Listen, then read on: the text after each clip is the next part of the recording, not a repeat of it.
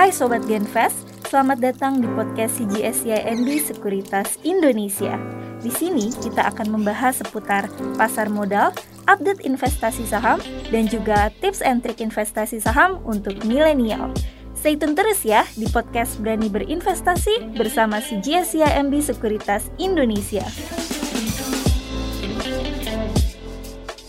Hai teman-teman semua, apa kabar? Jumpa lagi kita di podcast Berani Berinvestasi bareng CGS yang bisa Sekuritas Indonesia. Apa kabar kalian semua? Semoga kalian sehat-sehat ya. Nah, teman-teman semua, seperti biasa di podcast kali ini kalian akan ditemani oleh saya Aditya Perdana dan juga rekan saya Fani Soerman. Dan kita berdua dari Retail Research Analyst CGS MB Sekuritas Indonesia. Hai Van, apa kabar Van? Halo Dit, baik Sehat baik. ya? Sehat dong pastinya Oke. ya. Kamu juga sehat? Sehat ya, sehat, sehat, sehat. Ya, kita juga semuanya sehat ya. Dan Mhm. pastinya teman-teman juga bingung ya podcast kali ini. Nah, kita kali ini memang sedang kembali berada di kantor. Jadi kita mulai WFO lagi nih teman-teman karena Mhm. kasusnya sudah melandai. Dan semoga ini awal yang baik untuk kita semua ya, untuk ekonomi kita juga. Mhm. Oke Van, tambah berapa lama nih Van? Di podcast kali ini menarik untuk kita bahas bagaimana strategi nih, strategi mengenai eh, reopening ekonomi dan juga lebaran nih. Sebelumnya juga kita mau ngucapin ya buat teman-teman semua yang sedang menjalankan ibadah puasa, semoga Yap. puasanya lancar ya Van ya. Betul. Iya.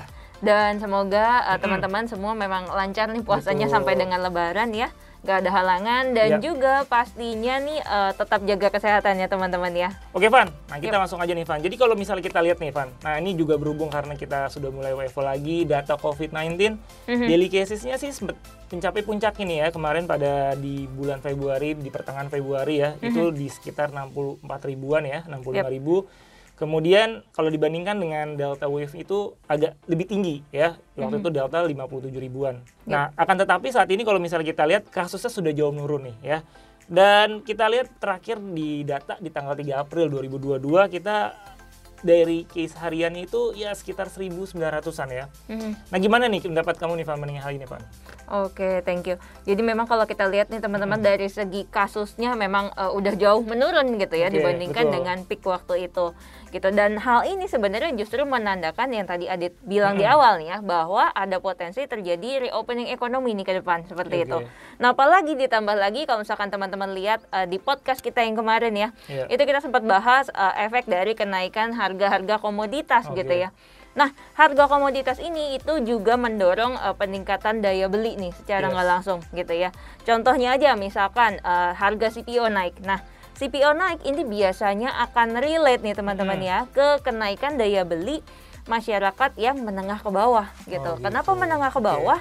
Karena uh, kita tahu ya bahwa Hmm. CPO itu plantation uh, butuh banyak labor gitu ya. Iya. Jadi uh, otomatis daya beli masyarakat menengah ke bawah ini akan uh, diuntungkan seperti itu ya dengan naiknya CPO.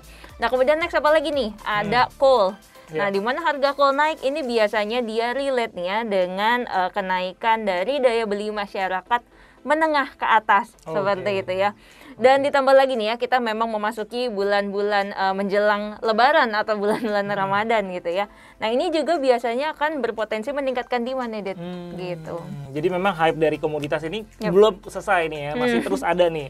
Mhm. Dan pastinya teman-teman pengen tahu juga nih Van, apa sih hubungan antara komoditas dengan kenaikan harga komoditas dengan ISG itu sendiri Van? Hmm, benar-benar. Nah, jadi kalau misalkan teman-teman lihat ya IHSG ini memang cenderung lagi rally Iya, terus gitu ya. Bahkan betul. udah di atas sempat di atas 7100 gitu ya. Iya, iya. Nah, eh, berarti sebetulnya ini memang ada kaitannya nih. Kalau Hmm. dilihat secara statistik ya. Jadi eh, kenaikan harga komoditas itu punya korelasi yang cukup tinggi nih dengan kenaikan IHSG. Oke. Gitu. Nah, korelasinya itu kurang lebih nih sekitar 60% teman-teman atau Oh, eh, oke. 0,6 ya. Jadi ibaratnya kalau harga komoditas naik, nah biasanya ini akan diikuti dengan eh, kenaikan IHSG. Oh, oke. Dan eh, kalau kita lihat nih dari segi eh, chartnya juga ya, Iya. jadi eh, kenaikan harga komoditas itu belum semuanya terrefleksi di eh, kenaikan IHSG gitu. Jadi dalam arti eh, kalau ditanya Hmm. Iya. IHSG-nya masih bisa naik nggak nih? Gitu masih ada potensi untuk eh, IHSG naik lagi nih. Yes. Gitu. Wah, menarik banget ya. Jadi kalau misalnya teman-teman lihat sekarang ISG udah di atas 7000, 7100 ya kan sekarang. Berarti ini masih ada potensi untuk bisa lanjut naik lagi ya, Van. Mhm. Nah, selain itu, Van, Mhm. korelasi yang disebabkan oleh harga komoditas, ada faktor lain nggak nih, Van, yang bisa kita cermati, Van? Oke, nah pastinya uh, sebenarnya yang apa sih yang membuat IHSG naik gitu ya? Nah ibaratnya kita harus lihat juga dari segi uh, pembelian asing gitu ya. Hmm, Nah oke. asing ini lebih banyak net buy atau lebih banyak net sell. Yes. Nah kalau Oke. banyak inflow biasanya ini akan diikuti dengan kenaikan IHSG seperti itu. Oke. Nah, kalau misalkan eh, pertanyaannya nih ya, Hmm. eh, kenapa sih asing tuh cenderung net buy terus di IHSG gitu ya? Salah Betul. satunya memang karena Indonesia ini kan negara eh, net eksportir teman-teman ya. Hmm. Jadi sebetulnya diuntungkan nih dengan eh, kondisi kenaikan dari harga-harga komoditas gitu ya. Sekalipun memang eh, ada sedikit negatifnya ya, Ya. yaitu bisa menyebabkan kenaikan inflasi nih dari harga-harga kenaikan komoditas tersebut seperti itu ya. Nah, cuma yang kita lihat kenapa eh, menarik untuk Ya. Indonesia karena dengan naiknya harga-harga komoditas ini membuat trade balance kita jadi positif nih. Hmm, Dan oke. akhirnya itu juga membuat eh, rupiah kita lebih stabil dan pastinya positif ke ekonomi kita. Makanya inflow-nya Hmm. masuk terus nih ke kita gitu. Oh mantep banget, menarik Hmm. banget ya korelasi antara variabel satu dengan variabel yang lainnya. Ya. Nah, nah pastinya pengen tahu juga nih, kira-kira target ISG ini untuk secara teknikal nih berapa nih Van ke depannya nih Van? Karena Hmm. naik terus nih kira-kira pasti kan teman-teman juga bingung nih. Waduh, nih Yap. penasaran juga nih. Betul betul. Nah kalau secara teknikal Hmm. untuk IHSG itu eh, kita prediksi bisa di sekitar 7.300 sampai dengan 7.900 nih. Ini Iya. dari segi teknikal Oke. ya. Menarik banget ya teman-teman Mhm. tadi dicatat ya. Oke, nah tadi kita balik lagi nih ke judul yang kita bahas di awal ya. Jadi memang Mhm. kalau misalnya kita lihat eh, dan tadi Fanny juga katakan eh, berbagai macam hubungan variabel yang bagus banget, tentunya ini akan bisa terefleksi dengan pertumbuhan GDP kita juga. Dan Mhm. kemudian kalau misalnya kita lihat reopening ekonomi, kemudian juga impact ya positif ke ekonomi, tentunya ini juga menarik juga momennya kan kita udah mulai eh, dua pekan ya Mhm. eh, dua pekan bulan Ramadan sebentar lagi juga kita juga pastinya akan merayakan hari raya Lebaran. Nah, kira-kira efeknya gimana nih Van ke ISG nih Van? Oke, nah pertama sebenarnya kita bisa mulai eh, menanyakan ke diri kita masing-masing gitu ya. Kalau Lebaran biasanya apa sih yang kita lakukan? Nah otomatis sekarang nih boleh mudik kan ya tahun Iya. ini ya. Mungkin ada mudik nanti? Mudik, kampungnya di Mudik sini ya? sekarang. Oh, Nggak ada oke. kampung di luar. Oke, nah untuk teman-teman nih, misalkan yang mau mudik gitu ya, Iya, betul. otomatis kan jalan tol jadi rame lagi. Iya, Apalagi oke, sekarang kita udah lihat ya, jalanan makin macet nih ya Macet, di betul. Jakarta ya. Iya. Nah, itu berarti menandakan sebetulnya ada kenaikan trafficnya teman-teman. Dan Hmm. itu relate ke mana? Relate ke jasa marga contohnya. Oke. Seperti itu ya. Nah, otomatis eh, berarti traffic yang naik ya ini akan menguntungkan juga nih ke jasa Betul. marga. Betul. Kemudian next nih, apa yang kita butuhkan dari eh, lebaran? Hmm. Biasanya ini identik dengan baju baru gitu Iya, ya. betul banget nih. Apalagi sekarang boleh mudik dan boleh silaturahmi Iya, nih betul, ke betul. tetangga, eh, ke saudara Bisa dan pamer sebagainya. lah ya. Betul. Pamer. Jadi kita eh, mungkin akan beli baju baru gitu Iya, ya. iya, nah ini iya. relate ke mana? Ke saham-saham misalkan kayak Rals, Hmm. terus kayak Mapi seperti itu ya. Iya. Kemudian mungkin kita mau beres-beres rumah sedikit nih ya. Jadi beli perlengkapan-perlengkapan rumah yang baru gitu ya supaya rumah kita lebih cantik. Hmm, nah itu betul, betul. relate dengan Ace Hardware. Takutnya nanti ada tamu datang ya. Betul. Relate betul. dengan S nih jadinya. Seperti itu ya.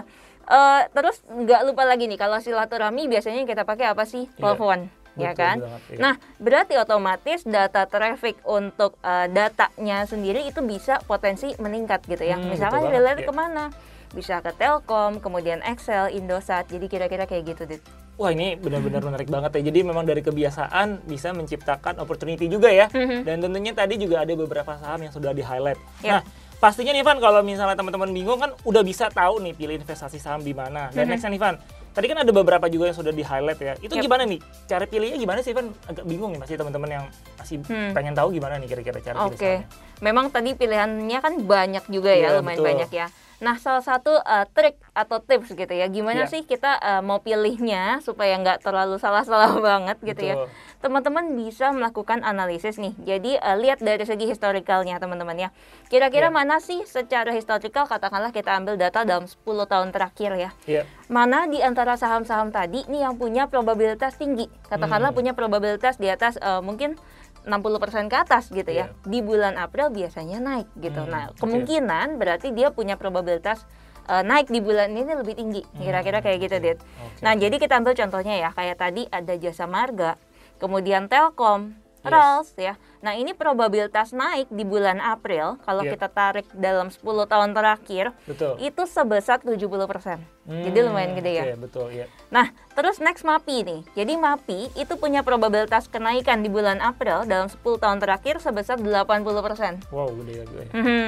Dan untuk E1WR di bulan April eh, itu punya probabilitas kenaikan sekitar 50%. Hmm. Seperti itu ya. Jadi eh, teman-teman bisa mulai pilih nih yang Yes. mana kira-kira yang memang punya probabilitas tinggi nih sesuai dengan data tadi. Nah, tadi teman-teman semua baru saja mendengarkan dari spill ya saham-saham yang pastinya banyak banget dari yang tadi Fanny udah katakan. Nah, Mhm. tentunya nih Van kalau misalnya kita lihat alternatif investasinya kan banyak ya. Mhm. Ada Jasa Marga, Telkom, Rals dan Mapi juga nih. Nah, Mhm. pastinya nih ada yang kurang kalau pengen tahu juga kira-kira target price-nya berapa sih Van untuk masing-masing saham tersebut Van? Benar-benar. Nah, target price yang kita sebutin ini berdasarkan fundamental ya teman-teman ya. Jadi untuk jasa marga, target price kita itu dari CGS di 4.700. Kemudian untuk Telkom ini di 4.850. Kemudian untuk Rals ini di 900 dan untuk MAPI target price-nya di 1000. Waduh, lengkap banget ya. Thank you banget nih Van atas insight-nya. Kita udah tadi awal udah ngomongin mengenai ekonomi, kemudian kita ngomongin tentang uh, aktivitas di bulan Ramadan, kemudian opportunity yang bisa diciptakan apa aja, saham-saham apa aja dan juga target price-nya apa aja. Udah di, udah dikasih tahu semuanya. Jadi mudah-mudahan podcast kali ini bisa bermanfaat buat teman-teman semua yang mendengarkan dan melihat ya Van ya. Dan jangan lupa tadi bagi teman-teman yang ingin mudik tetap stay safe dan stay healthy juga ya karena Mhm. tetap kesehatan kita jaga. Oke Van, thank you banget nih atas waktunya Van. Thank you, Semoga thank you. kamu sehat selalu ya. Sama-sama nih, Din. Kita semua sehat selalu dan buat teman-teman semua jangan lupa untuk berinvestasi karena kapan lagi kalau nggak mulai dari sekarang untuk berinvestasi. Tadi udah disebutin saham-sahamnya kan, jadi mulai dari sekarang dan saya mau ingetin juga nih, Mhm. jangan eh, berfoya-foya ya kalau misalnya dapat THR ya. Jadi kalau bisa investasi saham juga nih teman-teman semua. Oke teman-teman semua, itu Oke. saja podcast berani berinvestasi kita kali ini. Sampai jumpa di podcast selanjutnya. See you, bye teman-teman. Bye. bye.